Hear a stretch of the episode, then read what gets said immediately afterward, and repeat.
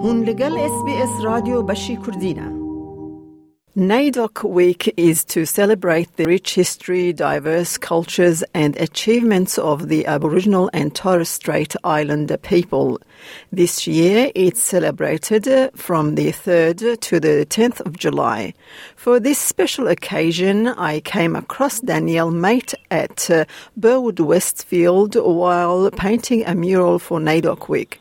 Today, we'll be speaking to Danielle to learn more about her and her love for art. Danielle Mate, welcome to SBS Radio. Thank you. Thank you for having me, May.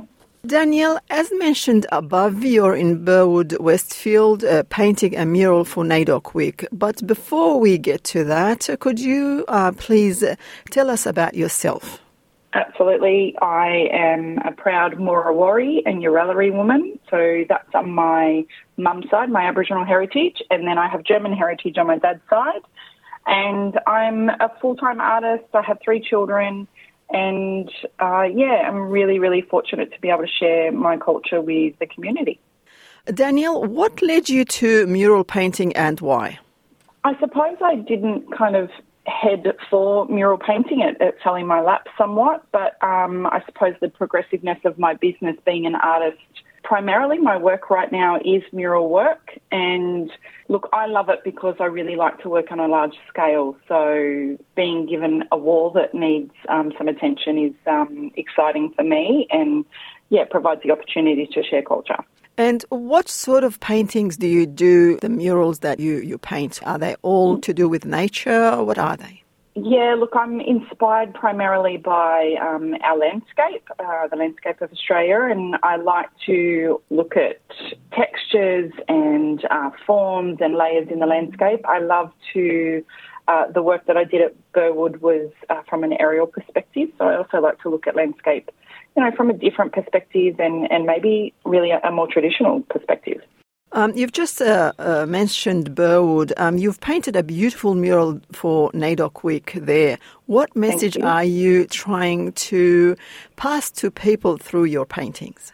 Look, um, I'm not someone that really likes to push any kind of message um, specifically, but I really love how my work invites questions, I suppose, and, and being able to paint live in such a public space like a Westfield definitely gives people an opportunity to stop and say, hey, what's that about? Or, you know, what, what are you painting there? Or, you know, this is what I see and, and spark those conversations. So I think it's not all about what really I'm trying to paint. It's about that community communication and, you know, that engagement that is, I suppose, the best part of what I do. While you're painting your mural, what reaction do you get from people? Oh, look, um, Burwood was absolutely beautiful. I actually don't think I've ever had so many compliments um, and interactions that I have had at Burwood ever before. I've done uh, lots of murals in many different um, locations. I've even been to Milan and painted live at a design show. But I think the community at Burwood were really inquisitive. Um, it was fantastic that it was in school holidays, so there was lots of engagement with young people as well.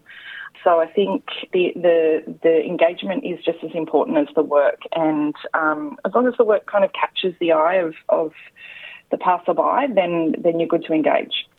It certainly did catch my eye. That's why I just wanted to speak to you about it. And the colourfulness of the mural, the painting is beautiful. Is there anything special that you'd like to say about that?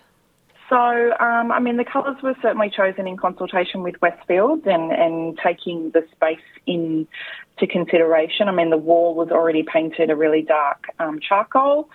So that was something I had to consider um, painting on. And I think, um, you know, I wanted to choose colours that would pop and liven the space up.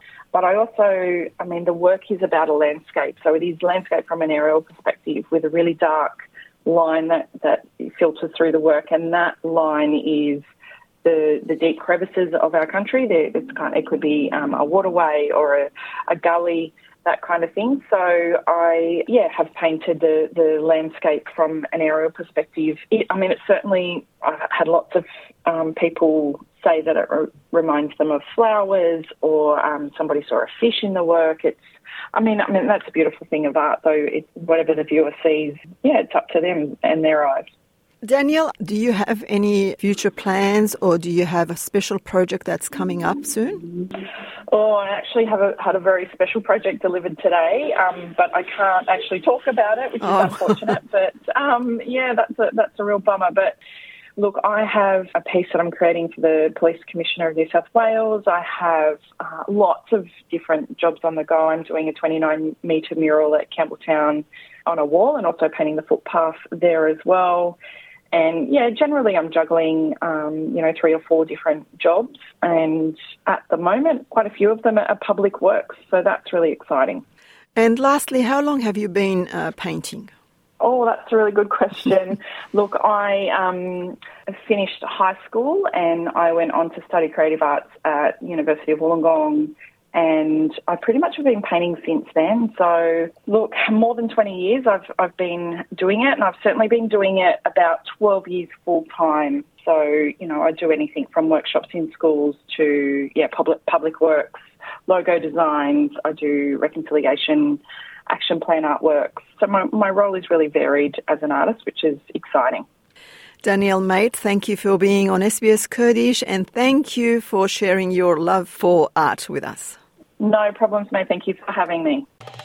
Like بك بارا بك تابنيا خب نفسنا SBS كردي لسر فيسبوك بشوبنا